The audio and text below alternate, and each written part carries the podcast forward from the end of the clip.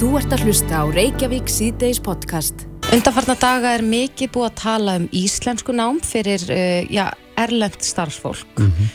Þetta byrja nú á því að hann Eirikur Rökkvaldsson, professor emeritus í íslensku við Háskóli Íslands, Einmitt. hann skrifaði greinin á vísi.is þar sem hann lagði til, í raun og veru, ég stingur upp á því að verkalýsreifingin einbeti sér að því eða, eða leggja það til í sínum kjærasamningum mm -hmm. að erlend starfsfólk fái íslensku kennslu á vinnutíma. Já, þetta er svo mikill líkill að samfélaginu að, að þeir sem að þinga flytjast læri málið. Akkurat, en við rákumst á áhugaverða greinin á vísi.is þar sem er, er akkurat talað um þetta og þarna verið að bera já, þessa tillögu, má segja, saman við nákvæmna þjóður okkar sem að hafa, gerðurinn verið þau mistök að, að koma þessu ekki inn að, mm. að kenna ekki tungumálið til erlendra starfsmanna með, með misgóðum afleðingum Einmitt. en það er hann Ólafur Sveinsson kvikmyndagerðamæður sem að ritaði þessa grein og hann er á línu hjá okkur í dag Kom til sæl Já, sælverðin Hvað ert að fara með þessar grein? Þú ert þetta með ákveðin samaburð? Sko, hvað kann segja? Ég náttúrulega uppliðið það, ég er búin að búa hérna mjög lengi, uppliðið það bara sjálfur hreinlega þegar ég kom hingað út og var ekki talandi á, á, á þískatongu. Mm -hmm.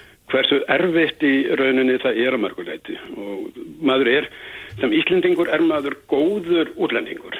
Það er að segja að það tekið mjög jákvæmt í það að, að Skandinavíja og sérstaklega Ísland það áhins var ekki til að mynda við lang fjölmennistu Já, útlendingarna sem er raunin ekki lengur, ekki, eh, ekki lengur útlendingar, mm. heldur eh, er orðin þjóðverð að segja að það eru tyrkir og það tengist því að uh, á, já, lok 7. áratögunum, 7. 8. áratögunum það var skortur á vinnuafli, sérstaklega í verksmiðum og annar staðar þar sem það var illa borgað yfirleitt mm -hmm. og fólk var flutt inn. Það byrjaði með því að Ítalir komu til, til Þísklands Síðan á sjönda áratökunum voru það Tyrkir og yfirleitt var það þannig að það voru Tyrkir og voru kallar gastarbætar eh, þar að segja að við getum þýtt það sem svona voru lítið á það sem gesti. Eh, þeir áttu ekki að, að, að vera í langan tíma heldur bara nokkur ár og síðan snúa heim. Mm -hmm.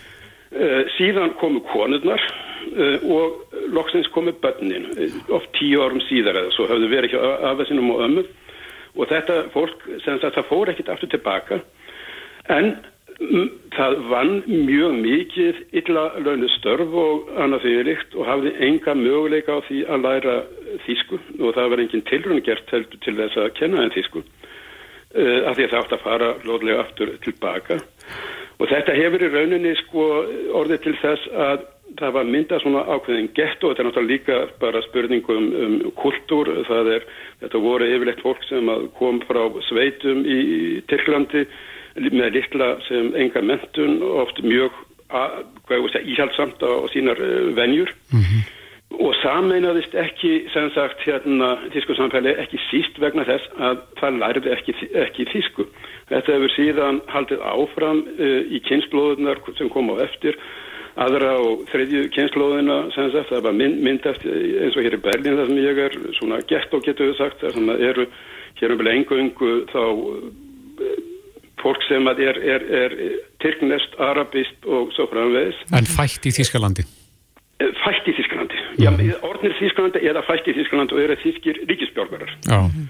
Uh, þetta verður til þess til dæmis í skólum eru kannski uppvendur 90-95% barnar sem tónka koma í sinn fyrsta bekk eru sem sagt meira og minna ótalandi á þísku mm. og það verður, verður, verður til þess líka sem sagt að það verður mjög erfitt fyrir þessi börn að því skólakerfið er erfitt sem sagt líka, það verður mjög erfitt fyrir þessi börn að eh, sem sagt læra og komast áfram þannig í tilverinu og pestist á mörguleiti í lástjættum getur við sagt og, og á eiginlega enga möguleika að komast áfram.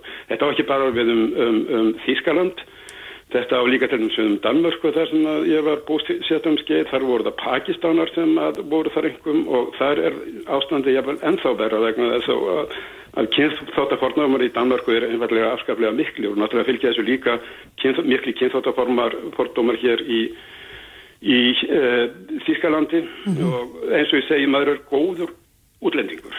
Ekki lit ámenn sem útlendingum eru góður útlendingur, uh, Tyrkirnir eru vafasamir. Það er ekki afskaplega vafasamir í mörgum að betri heimli, skulum við segja. Mm -hmm. En, en uh, já, þú ferð þarna þessi yfir það að, að núna séu flestir flokkar í Þýskalandi sammálum það að það hafi verið mistök Já, að, að já, kenna þessu fólki ekki tungumálið. nákvæmlega. Ættu við að læra af þessum mistökum? Við ættum að læra, þetta er ekki bara sem er í, í sko, sem er ekki bara sem er hérna í Þýskalandi, þetta er í, Danmörku líka þar sem að hefur gengið ennþá ver að, að, að sagt, láta fólk integrera í samfélagið og Danir hafa meira þess að gengið svo langt að þeir eru ákveðið að rífa nýður hluta af hverfum sem að ámargir útlendingar búa í til þess að, að fækka þeim sem búa saman. Eh, Þetta er að einhver lit að gerast líka á Íslandi, breyðoltuna að hluta til og, og annar staðar.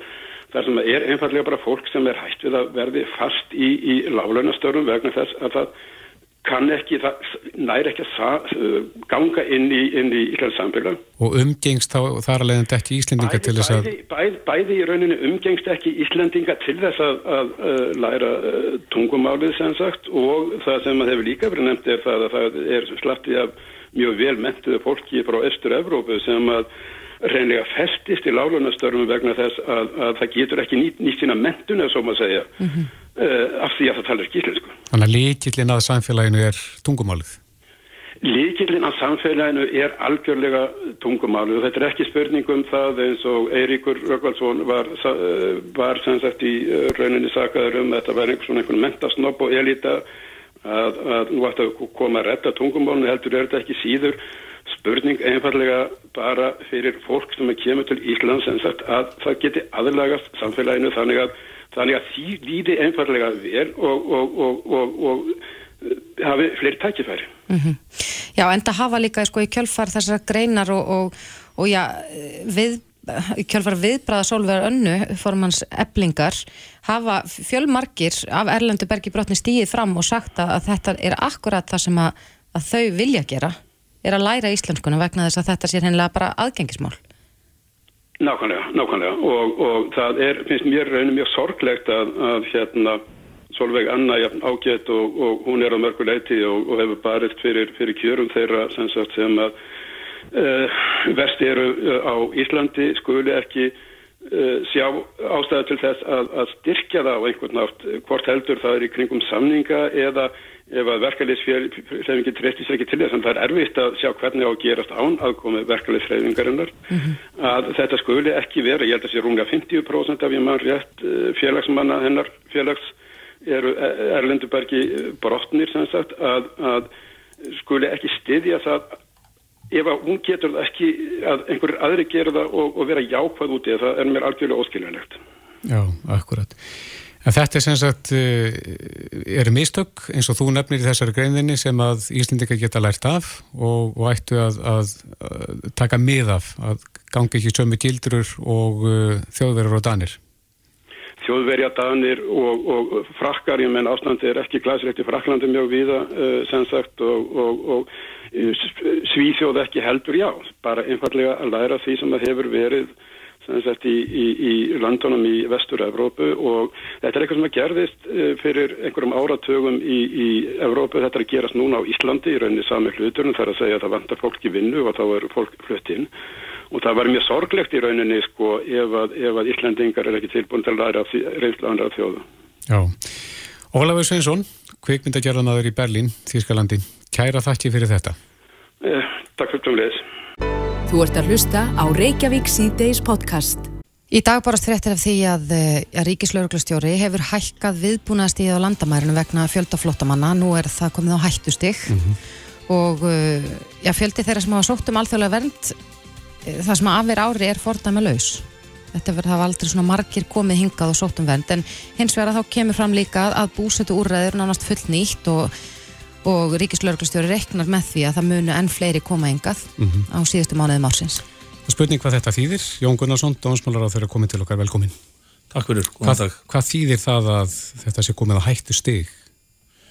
Já, það segir okkur í raun og veru að uh, ástandið er að verða illvið ránalegt og það er rakið svo sem í þessari tilkynningu ríkislauruglustjóra, þetta mat sem er líka til grundvallar þeirra ákvörðun og þarna eru að uh, kannski húsnæðismálinn og búsetu úræðin sem að uh, eru að valda svona mestu erfiðleikunum í byli og uh, það er endar á miklu fjölbreyttari vettfangi, við, meina, við sjáum sveitafjöluðu svo Hafnafjörður Reykjanesbæ, Reykjavík, vera kikna undan því álægi sem að þar við myndast. Og, og reyndar hafa bara sagt, hingaðu ekki lengra, við erum fullbókuð, við getum ekki tekið við flerum og það er enda búið að setja þar einn miklu fleira fólk heldur en samningar gerður áfyrir og þeir, það er ekki einu sem við verðum að ná að sinna þessu, þannig að sko þetta er bara staðan sem við okkur blasir. Og það er rétt sem að kom hér fram að eh, við erum að horfa á spágildin í þessu. Ágildið er að hér komum 4500 manns á þessu ári. Miðgildið er um 4000 manns. Og þá sjáum við hver þróunin á þetta að vera þegar við erum komin í hvað 2700-800 núna mm -hmm. til áramóta en það er ekki svo að þetta hætti síðan um áramóta Nei, svo heldur þetta áfram. Heldur þetta áfram. Sko. En, en hvaða lausnir í sjónmáli? Er, er, er hægt að hrinda af staða einhvers konar að, aðgerðum til þess að já, bæta við húsnæði? Já, það er náttúrulega krefjandi spurning og ég held að við höfum öll svarið við henni. Sko. Það er ekki einfalt mál. Það eru þetta að fara að flytja hér inn einhverja gáma og leysa málinn eitthvað slíkt en veist, það er engin langtíma úrræðir sem að við okkur blasa í þessum efnum og atvinnulífið eru þetta í algjörlega sömu stöðu. Fyrirtækin eru leitandi, logandi ljósi að húsnæði fyrir starfsmenn sem eru að koma. Inga það var komið, held ég bara inn á vinnumarkaðin, daldið annan 2000 á þessu ári og það er full þörf fyrir það. Ég menna, atvinnlífið er hér í miklum blóma og eftirspurðin er mikil eftir vinnuafli þar og þá þurfa atvinnur rekundur ofta að leysa húsnæðismálunum. Þeir eru í byllandi samkeppni við vinnumálastofnun og þá sem er að sinna þessum félagslegu úrræðum Uh, fyrir hönd félagsmálaráðanindisins. En viljið þá reyna að draga úr þessum fjöld eða hvað, Já, hvað sko, viljið gera? Ég held að við stöndum frammi fyrir því sem uh, samfélag og þetta sem stjórnvöld að spyrja okkur nokkuð krefjandi spurninga núna við þessar aðstæður vegna þess að það er alveg ljóst að uh, línan upp í það að fara á neyðarstig er mjög stutt ef ekkit verður við brugðist. Hvað gerist þá? Já, ég sjálfur sér verða vandamálinn þá í hens vömu sko, gefur stjórnvöldum einhver frekari úrræði til svona rástöfunar og ákvarðana.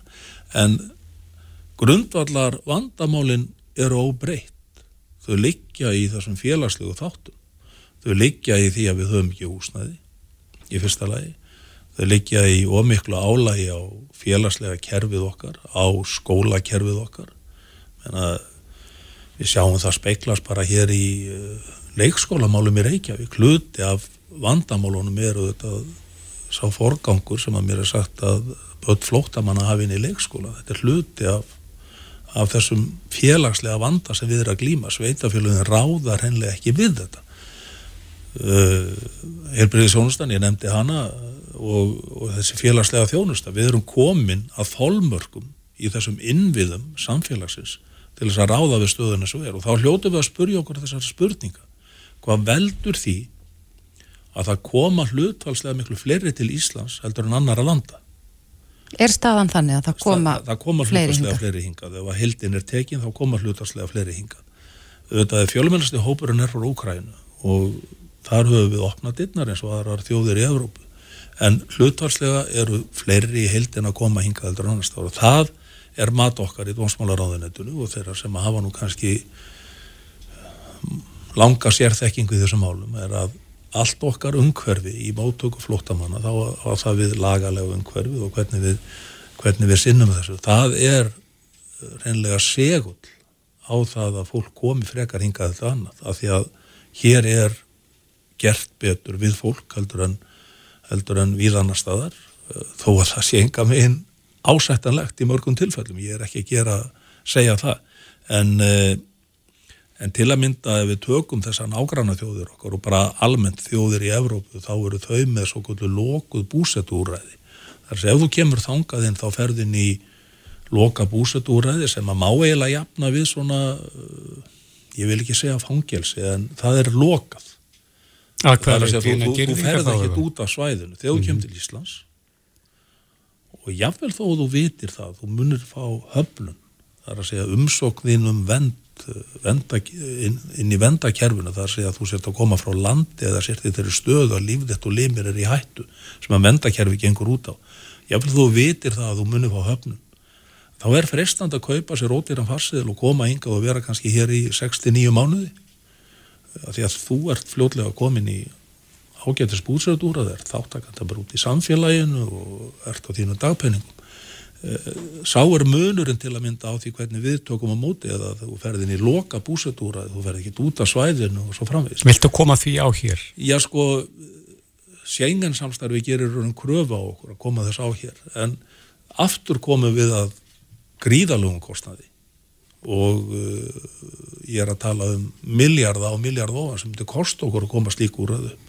Þannig að við, sko, við hljótum að þurfa að svara þessu krafjandi spurningum. Við erum að hluta til þetta búin að vera að reyna að svara þessu í svo kallu útleitinga frumvarp eða frumvarpið til útleitingalaga sem að hefur sem ég er að leggja fram, ég held að sé lagt fram í fymta sinn þá þessu þingi. Það leysir samt ekki allan vandan en það tekur svona ákrefjandi þáttum til að mynda mörg lönd í Evrópu eru, eru komin með eru með þær reglur að ef þeir hefur verið sinjað um vend að þá innan ákveðins tíma ef þú ferð ekki úr landi að þá fellur niður all þjónustafiði þú ferð ekki húsnaði, þú ferð ekki félagslega þjónustu, ekki framlag. Það er í þessu frumvarfi að ef að þú ert komin hér í það sem kallast ólögumætt völ, þar að segja þú ert búin að fara í gefnum þessi stjórnstístu stig, þar sem að umsókðinu vend er hafna, að þá er áfram hvati fyrir það að reyna að dvelja í landinu, en ekki að vinna með stjórnvöldum með að fara úr landi, menn þess að áfram heldur all félagslegar þjóðunst, þú heldur áfram að vera bara í búðinu og þú far áfram uh, framlög úr ríkisjóðu til þess að framfleta þér og færða alla þjónustun áfram.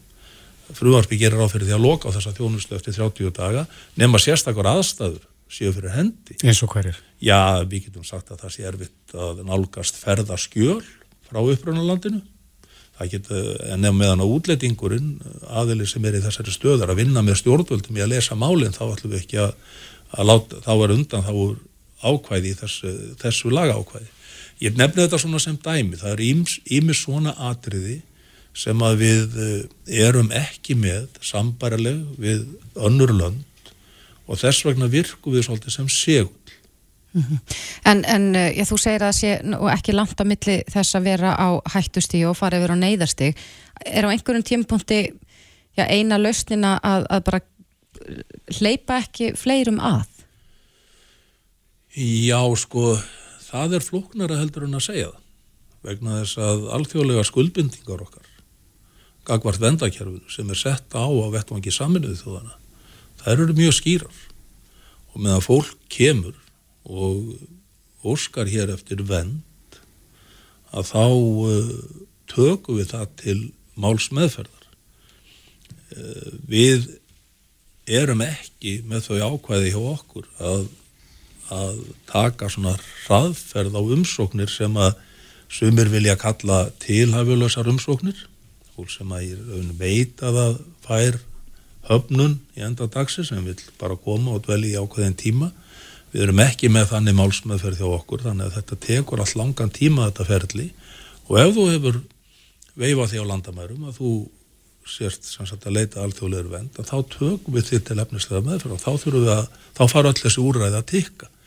Sumar þjóðir eru með þetta þannig að þær segja bara eru hér raðskoðun á þetta og nei, þú verður að fara tilbaka ákveðlengu tíma við vend til dæmis í öðru landi Hva, hvað, er, er fólki þá bara snúið við að landamærunum eða? Já, eða bara mjög fljóðlega að ferða tilbaka sko. Ser þú fyrir að koma slíku upp hér? Já, það er gert ráð fyrir því þessu lagafröðumarfi þó að það séu nú svona viðræður um það að draga úr þessu ákveði að þá eru við að reyna að girða í, í þessi hótt til að færa málsmeðferðinu okkar meira til samræmis við það sem að gengur og gerist í nákvæmlandum okkar Þannig að hér séu ekki einhverjir seglar sem að, eins og það, það er kallað, að, sem er að draga fólk frekar hingað heldur en eitthvað annað. Mm -hmm.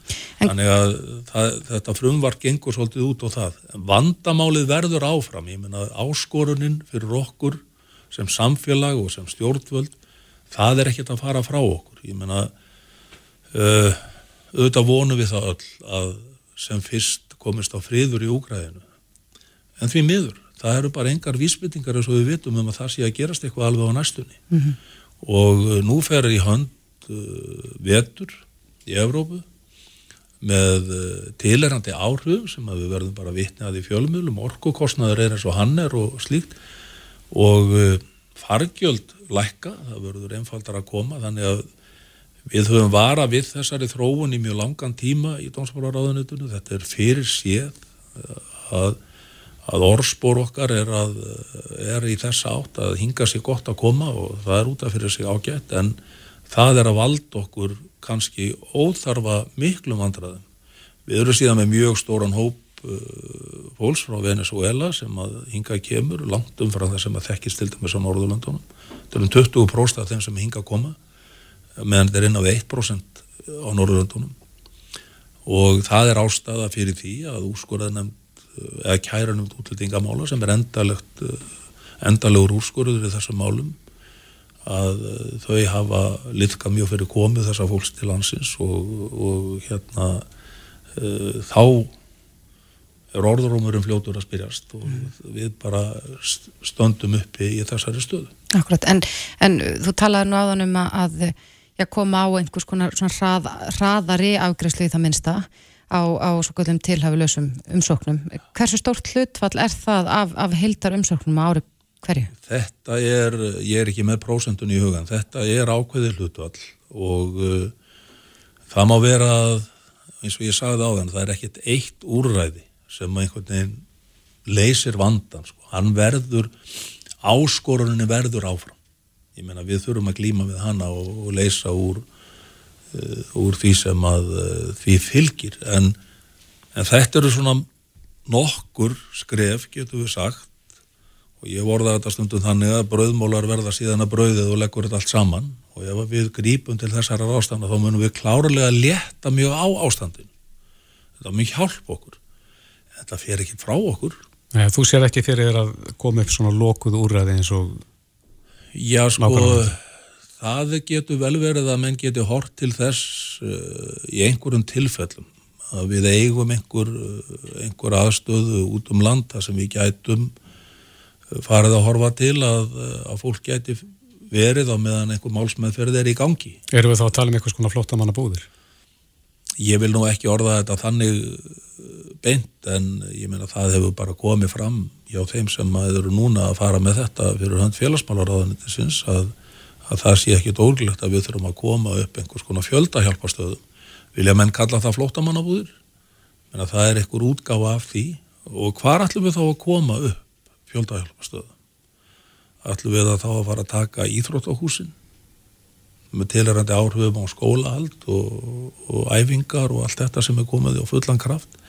Eða förum við til kirkjónar og þau opna út sapnaðarheimili hvernig ætla mann að lesa? Þetta er þetta er þetta uh, uh, lausnir sem að uh, vinnumála á stofnun og þeir sem er að vinna þetta á, á vettvangi félagsmálaróðandi sem er að glýma við alla daga núna og þetta fólk er að leggja sig allt fram um að lesa þessi mál mm -hmm.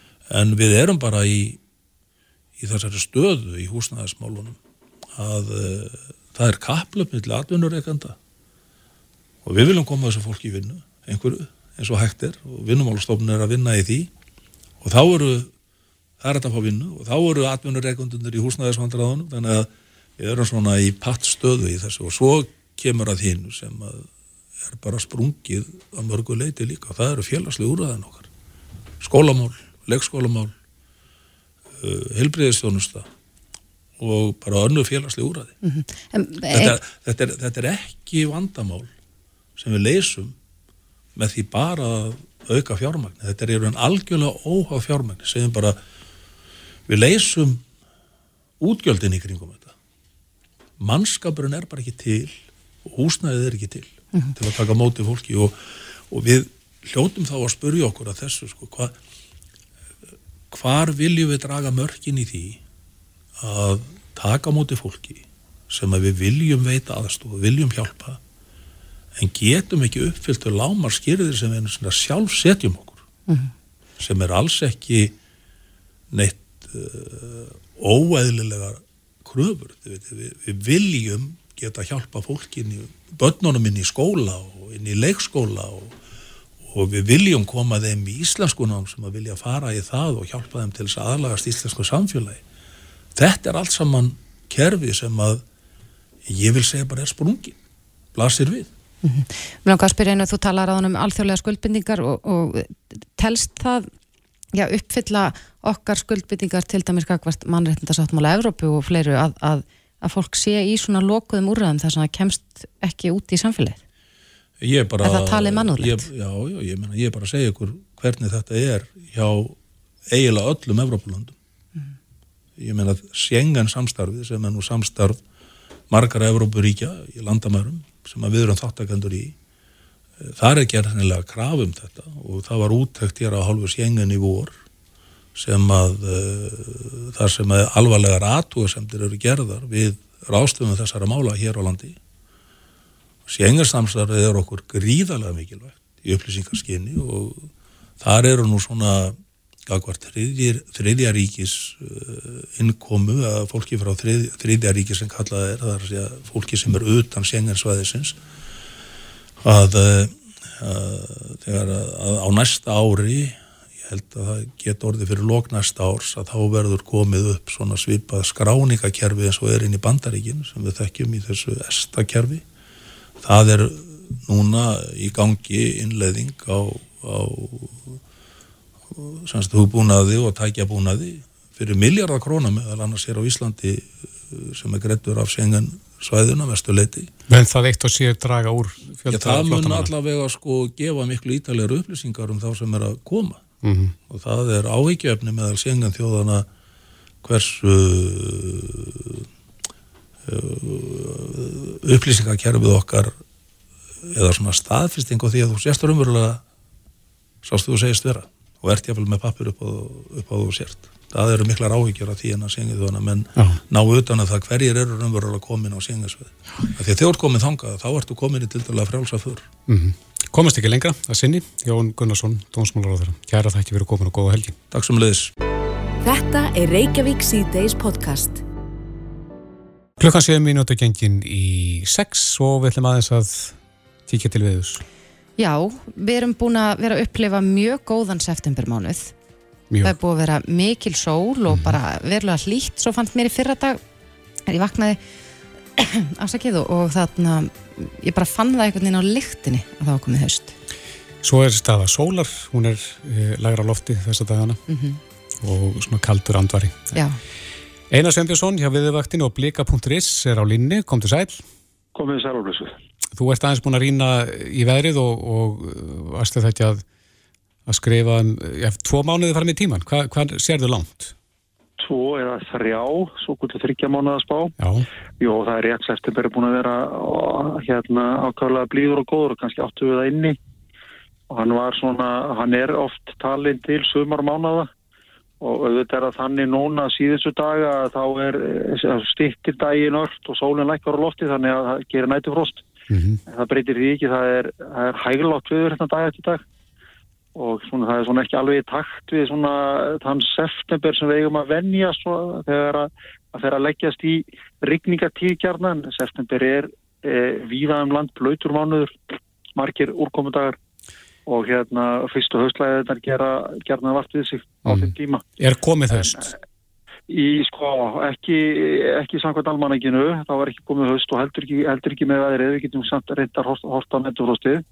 Ég horfi gerðan á það þegar að eh, tel það til höst þegar að, að, að það koma hér læðir sem að sækja í kallt og loft og norðri sem hefur náða kóluna og, og það er vinna úr því og, og þeim byggur okkur úrkomu og svo kaltir norðan átt á eftir. Þannig að það, það, það er breytilegt. Já, það er svona höstmerkin í í, í mínum huga. Mm -hmm. en, en sko sem betur verða upplöðu þetta, þetta sömarið að, að það komu góðu dagir í september, þannig hefur það oft verið en alls ekki alltaf. Og hérna kannski ekki sömum til að segja að það er góðu kaplin að að það hefur verið snemma á ferðinni en ég held að við höfum eftir að fá annan slíkan. Já, en skoðum aðeins þess að þryggja mánu að spá, hvernig verður veðri næstu þrjá mánuðið með? Sko, sko það, sem ger, það sem ég ger er það að ég rýni í upplýsingar sem ég fæ erlendis frá, frá þessum stóru reikni setrum. Og það eru, það eru áttaslík sem að reikna spár langt árum í tíman og þetta er auðvitað öðruvísi en venjulegar veðurspár, þetta eru, það er, það tekið mið af, af frávikum í sjáarhita og stöðun upp í heikvolvinu og öðrum, öðrum þáttum sem að eru, eru talin móta veður farið yfir, yfir lengi tímabill og uh, það var, það var ótrúlega að sjá það sko að, að tryggja mánuða spátna fyrir sumari náðu ágjörlega þessu hálótta drægi sem var mjög þrálátt hérna yfir landinu.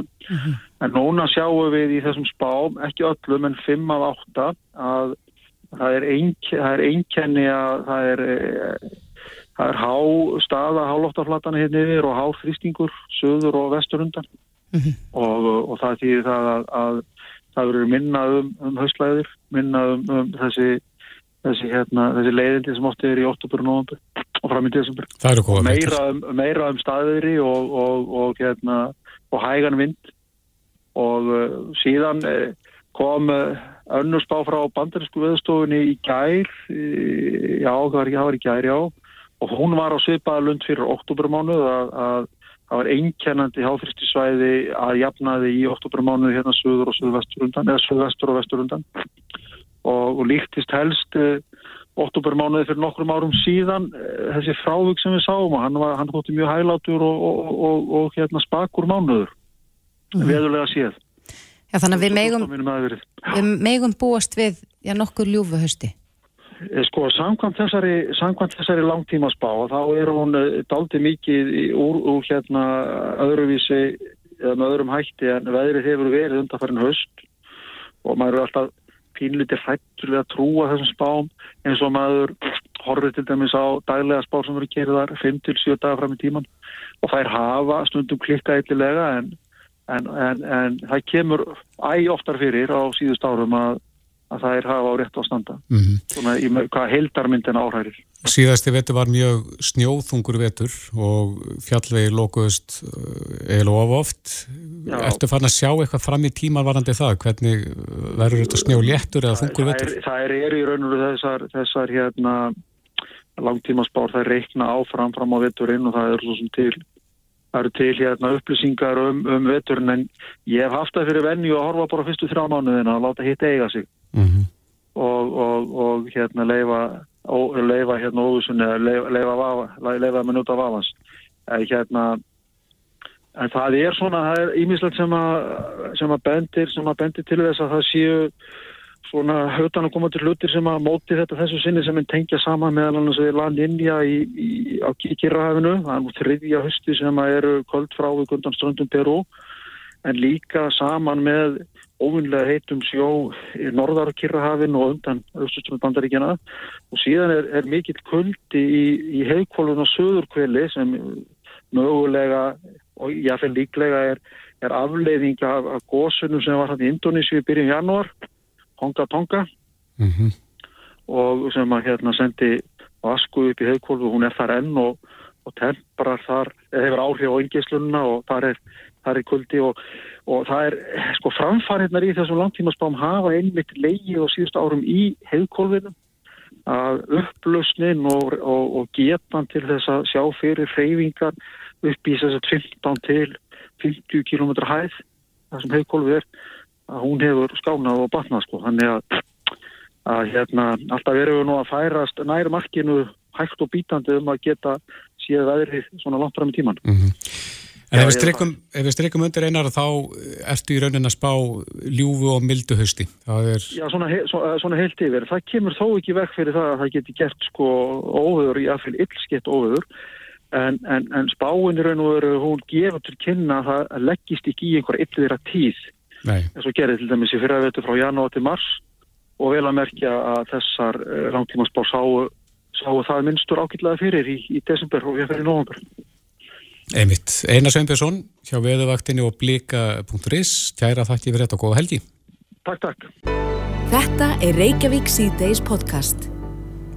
Nú voru þingstörf hafinn og uh, náttúrulega mesta búri núna fyrstu dagana fyrir að uh, ræða og stúdera varpið. Akkurat, en það var nú, já, aðteklisvert í gær við töluðum nú við Loga Einarsson, formann samfélkingarnar og, og uh, samfélkingin, viðreist og píratar er Já. að leggja til að já, við tökum aftur upp þráðin eða, eða förum í, í hérna, þjóðaratkvæði, mm -hmm. þjóðaratkvæði greiðslu um það hvort við ættum að taka upp þráðin við. SB aftur. Akkurat. Og það er spurning hvort að það verði ykkur þungi í þeim, þeirri umræðum, þar að segja ESB, hvort að þeir ná að setja það mál á dagskrá aftur. Á línunni er Birgir Guðmundsson, sem er profesor við Háskólan á Akureyri og stjórnmálafræðingur, kom til sæl. Sælverði. Já, hver heldur þú að verði megin þungin svona í þingstjórunum fyrir áramót? Já, ég held sko að ég fyrir utan fjárlega frumarstu sko sem þið nefndu sko að þá erum er við einlega stefnur ídaldu fjöru en þingvetur sínist mér svona á flestu sko. Já. Ég held, held að, að svona til að byrja með fyrir áramótin og, og, og í hausta þá verður náttúrulega sko fyrir utan fjárlega frumarstu að þá verður kannski tals, tals svona setja skrifsin á umræðunar allavega hérna, þessi hvernig aðkoma ríkisvaldsins verður að kjara samningum og verður slíku sko. Þannig að það er mun vera alltaf ofalega átt og í. Eh, en svo eru bara alls konar önnum mál sem að hérna, eru á tengumafgráni sem að ég er alveg vissum að ég eftir að verða, verða sé, sko, tilefni til heitra umræðuna Uh, ég dettur í hug til dæmis að svona gamlega kunníkja náttúrulega sko. Mm -hmm. Frá dómsmálaráðara eða endurflýtja frumvartum útlendinga. Og uh, það hefur nú verið svona jæfnan uh, heitt mál sko.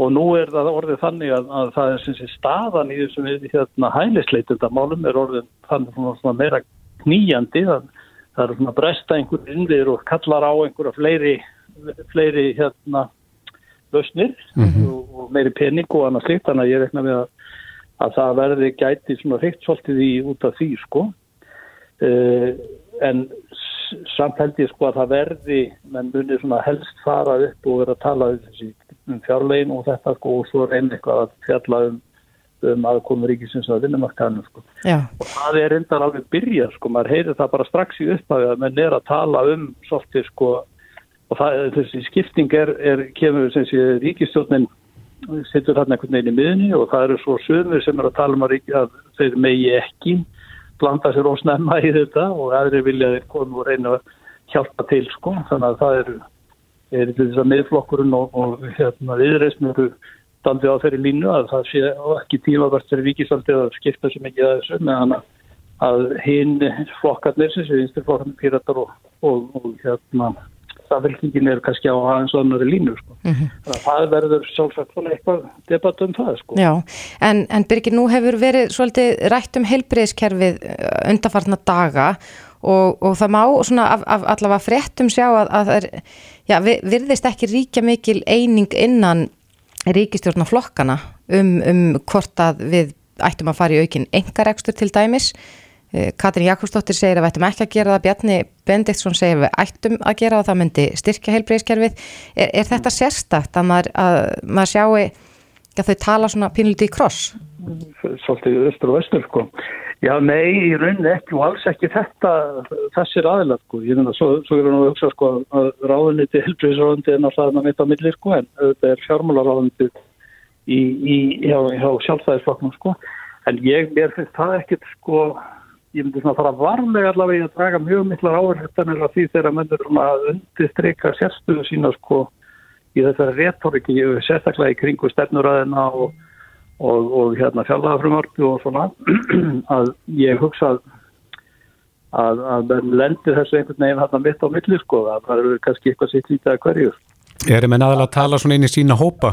Ég held að mér hljóta vera líka svona aðeins að mér fannst það reynda sko í stefnu, umvæðinu stefnuræðina sko að sjálfstæðismennirni voru ekki að tala neitt mjög konkrétt sko um málhöldu voru að tala taldi abstrakt og svona um hugmyndafræði sko svona kannski um hérna hlutverk ríkisins og, og aðtur lífið þetta að fá andrum til að, að hérna þrývast og allt þetta svona, svona, svona stóru hugmyndafræði að vera svona í einhverjum einstökum, einstökum málum og, og það kom líka þessi daldir kannski stert inn í hjá bæði samfélgafólkinu og pýrötum og, og reyndar fólki flokksins líka. Þetta með að það að ríki þurft að stíga að gera meira og, og jöfnunar hlutar ríkisins væri stærra sko. Þannig að mm. í þessu er sko debattið er svolítið um hlutverk svona hugundafræðilegt bara hlutverk ríkisvaldsins hérna og menn eru svona að stilla sér aðeins upp sko og minna á að flokkarnir eru kannski svona ólíkir sko. En Birgir sínist ég sko ríkistöðna samstarfi standa tröstum fótum eins og það hefur gert? Já, ég hef svo svo ekki ástæði til þess að vera að ætla að sé eitthvað sko rosalega hérna mikið veikara heldur en það hefur verið sko en eh, það er sko bara er alltaf sko, þú kom, menn eru að, að búin að vera lengi saman sko að þá kemur að því að menn þurfa aðeins að segja sko, við erum nú ekki sami flokkurinn sko, við erum ekki ríkisum og þannig að menn fara svona aðeins að íta á sín mál svolítið sko Mm -hmm.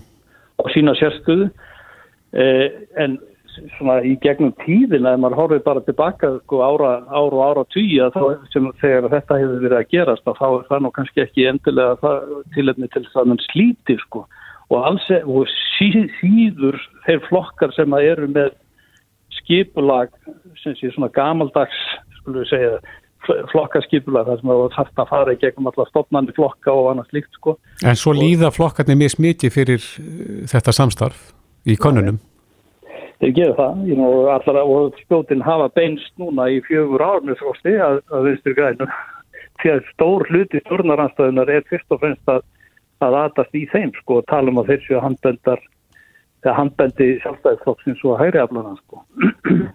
Og það er, myndi, það, það, það er erfitt þetta er erfitt fyrir vinstur græna að vera í þessu samstarfi, alveg öruglega og inn inn, inn, þeirra fólk er er, er, er í vandræðin svo þá kemur af því sko hvort að þeir til dæmis í vetur í, á þingunni, þeim tekst að koma með einhver mál og einhvern veginn að svona tryggja sína sérstöðu sko. Og, og það er stefnir sínist á til þetta þingmálaskráni að að nú er sko stendur fyrir dyrum mjög mikil og stór hérna uppstokkun á öllu tryggingakerfinu sem að getur verið alveg sko getur annarkot hefnast hjá Guðmundi hérna Guðbransinni mm -hmm. og, og er þið farið í gegn og, og vinsturgæn geta þá sem sé svona kannski bent svolítið á það að heldar endur sko að einfalda þetta eins og hefur ákallum sko en þau geta líka bara brent sig á því sko þetta er mjög, getur verið svona erfiður, erfiður flokku til þess að fara inn í því hann er mjög tæknilegu líka sko. En Birgir, hún Þórdís nefndi hérna á þetta þessa þingsáleiktina til samfélkingar, pírata og uh, viðreysnar, það er að segja að, að spyrja þjóðunum áframhald viðrana við ESB heldur að það mál ná eitthvað fram að ganga? Ég er svona frekar skeptiskur á það, satt að segja, að, að það ná í flugi, sko, þau munu örgulega halda því til haka, sko, og reyna að, að, sko, vera með það í umræðin á alltingi, en það muni að ég á ekki vonaði að fara fram eitthvað þjóðarat, það er greiðsla, sko, og sérstaklega að því að staðan í Evrópi er til dæmis ekkert, sko, rosalega spennandi hannig lagað, sko, efnahægslega og, og, og svona, þannig að ég er ekki vissum að þetta muni ná ná neinu frí akkurat núna sko. Nei, en gæti verið að, að já, þeir flokkar sem eru ekki Evrópu sinnaðir, sjáu sér einhvern veginn leiki því að, að mögulega já, bera þetta undir þjóðuna til þess að ná bara að loka þessu máli Já, ég þetta væri það hugsanleg múf eins og maður þeir mm -hmm. en, en ég er, er syns að mjög efins sem að menn séu tilbúin að fara í, í það sé að heilmikið mál sko að, að, hérna, að fara í þóðaratkvæða greiðslu og það er náttúrulega líka getur verið snúið að búa til einhverja spurningu sem að það fara fram eitthvað ákveð svar sko. Þannig að ég á ekki vona því að mönnir sko fara láta teima sér inn í það eða fara inn í það sko.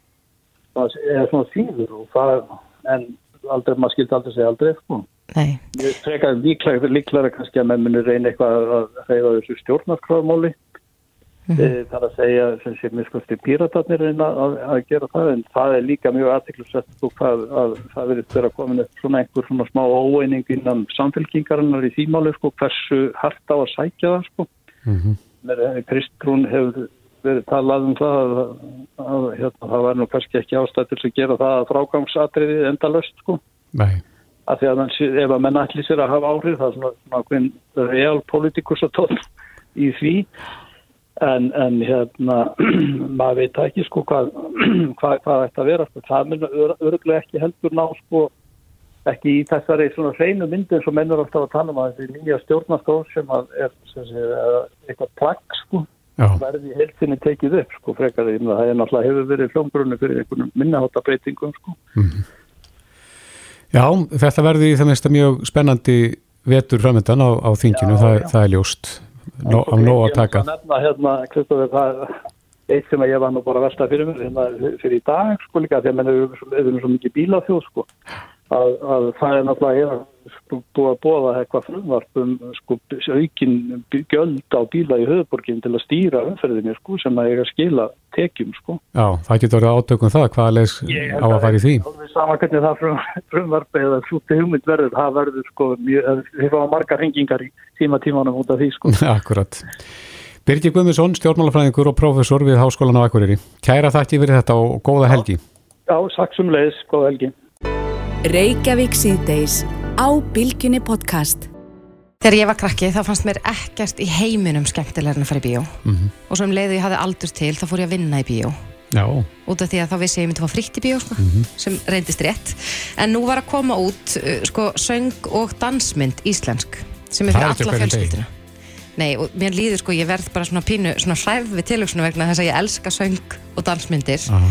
og ég held að, að dætur mínar muni vera allsælar að fara á íslenska mynd í bíó já. Hvað er langt síðan að kom síðast svona íslensk dans- og söngvamynd? Ég held að það sé allavega komið svo svolítið langt síðan Já, ég bara get ekki einu svona rifja upp á Hvaða mynd síðustu. það var? Nei. Nei. En þetta er myndin Abbabab sem var uh, forsýnd eða frumsýnd í gær við, við svona hátíðlega aðtöfni í Smárabjó Mhm. og hún er sest hjá okkur Nanna Kristín Magnúsdóttir, leikstjóri og handreitshöfundur Já, Kom til sæl. sæl og blessu. Takk fyrir að bjóða mér. Já, takk fyrir að koma. Og til hamingi með myndina. Kæra þakkir, því líka móttökur. Það ekki. Ég, ég, ég er ekkert að djóka, ég var pínu hrærið út, ég er virkilega spennt að fara í bíó Já. á svona íslenska mynd vegna þess að, að já, svona barnamyndir höfðu ekkert sérstaklega til manns Nei, en þetta, er svona meira fjölskyldu. Já, þetta er dans og söngumynd og jú, auðvitað hérna, fyrir alla fjölskylduna, það er einmitt fjölskyldu bíó í Smáralind klukkan 12 á sunnudaginn. Hvað Og þýðir það? Það þýðir að það er andlitsmáling og það er frýr ís á undanmyndinni og bara svona fjölskyldu stemming. Já. Það verður reikalega gaman.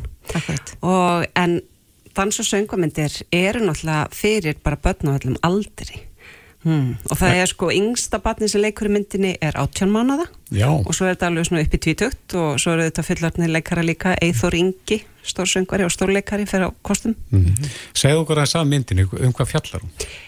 í stöttu mjá, mjáli Mjá. í stöttu máli þá fjallar hún um hljómsveitina Rauðu hauskúpuna og það eru þýr, þrýr krakkar sem komast að því að það er einhver óbrútti náungi eða náungar sem ætla að eyðileggja lokaball skólans með því að já, hérna, eyðileggja skólan mm. og þau reyna að komast að því í gegnum myndina hvernig þau ætla, uh, við komum til allar að eyðileggja skólan og hver það er. Þannig að þetta er svona smá spæjarasaga. Það er svona stóra brún, síðan eru litlar svona persónulega sögur, ástarsögur og bóðskapurinn er að við eigum að finna kjarkin okkar til að Já. taka skrefið að vera þau sem við viljum vera. Það er ekki nóg að vita bara hverju við viljum ekki vera og vera bara fulla móti. Við verum að gefa eitthvað á okkur. Akkurat. Og það er sko heil plata af tónlist. Einmitt, sko grunnurinn er náttúrulega frábær frá doktor Gunna. En svo eru uh, allavega fimm ný lög. Eitt er samið af Króla, eitt er samið af Red Riot sem eru Hildur og, og Ragnar Cell 7 en það er Þorvaldur Bjarni sem semur hinlögin og setur lög doktor Gunna í nýjar útsetningar. Og svo eru þarna nokkuð lög sem ég sem texta við þannig að nú er ég orðin lagateksta höfundur Það er ekkert annað. en já, þetta, eins og vorum að dræða þetta náðan, hvenar kom síðast út svona íslensk dans og söngvamynd? Ég held að síðast það hefur verið Regina. Það var alveg frábæð með. Það, það er eitthvað sem ég svona ólst upp við, sko, Já. þannig að við erum búin að býða mjög lengi eftir þessari. Algjörlega. Og bara eh, það tekst alveg sérlega vel til þó ég segi sjálf frá það sem ég er með sko valin mann í hverju rúmi, ekki bara hérna leikara og, og, og börn heldur líka alla aðstændendur og yfirmenn delta því að við búum til heilan heim æfintýra heim og það eru leikmynd og búningur og förðun og allt sem kemur saman og kvikmyndatakan. Og ég hef sagt að séum 200 börn sem taka þátt í myndinni en eftir ég sá kreditlistan í gær þá held ég að þau eru nálgist svona 400 af því að það eru sko 85 börn með hlutverk með nafni síðan er að koma inn dansskólar, fimmleikahópar blástusljómsvið, taekwondo, krakkar allskins, þannig að hérna, og breykarar, samkvæmistansarar þannig að það eru nóg að taka Hver hérna, hvaða skóli er í fórgrunni þarna? Þetta var tekið upp í Vörðuskóla. Vörðuskóli er hérna við hliðin á Östubæðaskóla. Hann er ekki notkunni eins og er. Þannig að við fengum þarna frjálsar hendur að búa til okkar heim og þetta er svona ævintýra heimur. Þetta er Hvað heitir 80s. skólinn í myndinni? Hann heitir Skólinn. Skólinn. Hann heitir bara skólinn. já. Mjög frumlegt. Mjög frumlegt. en uh, þið ætlið útrás með þessa mynd ekki sett og mér skilst að þið ætlið ekki að nota nafni Abba Bab. Nei, ég fór í handrítasmiðju bæði í Amsterdam og í Berlín á Berlínale kvikmyndaháttíðinni og það voru allir að ruggla þessu við Abba, hljómsveitina. Þannig að nýji titillin á ennsku heiti 12 Hours to Destruction. Og það er einmitt það þau krakkarnir hafa 12 tíma til að leysa ráðgóttinu og finna hver er að fara að rústa skólanum. En hún er komin í síningu Hún er komin í síningu og ekki bara á höfuborgarsvæðinu í Smárabíu, Háskólubíu og Laurasbíu heldur er hún út um allt land. Hún er á Seyðisfyrði og Patræksfyrði, Akureyri, Keflavík og Já, þannig að allir landsminn ættu að geta skellt sér í bíó. Já, og það er frábært af því að það eru líka krakkar af landsbyðinni sem er að leika myndinni. Mhm. Ekki bara krakkar á höfuborgarsvæðinu. Það er hún í fullri lengt. Hún er í fullri lengt. Er, og hálfu tími. já, eitthvað. Já. Það er bara alveg passlegt, sko. Já, ég held að þetta sé sko, tilvalið að heyra af þessari mynd svona rétt fyrir helgina, eflust margir að veltaði fyrir sér hvað fjölskyldan ætti að gera saman, þetta Já. er skemmtileg samveru stund. Eins og þú segir sjálf, þegar maður var lítið, maður elskaði að fara í bíó. Ha, það er bara svona ít og pásu í lífinu og maður bara færi að fara inn í einhvern æventýra heim. Popp og kók með. Og popp og Alltaf popp og kók með. Já. Já, ég legg til að við heyrum uh, núna svona í lokin á, á þessu viðtali uh, eitt lag úr myndinni Abba Bab en Nanna Kristín Magnúsdóttir, leikstjóri og handritsöfundur. Kærar þakki fyrir komuna. Takk fyrir mig. Í gegnum lífið ég líð án þess að skilja eftir spór Er ég virkilega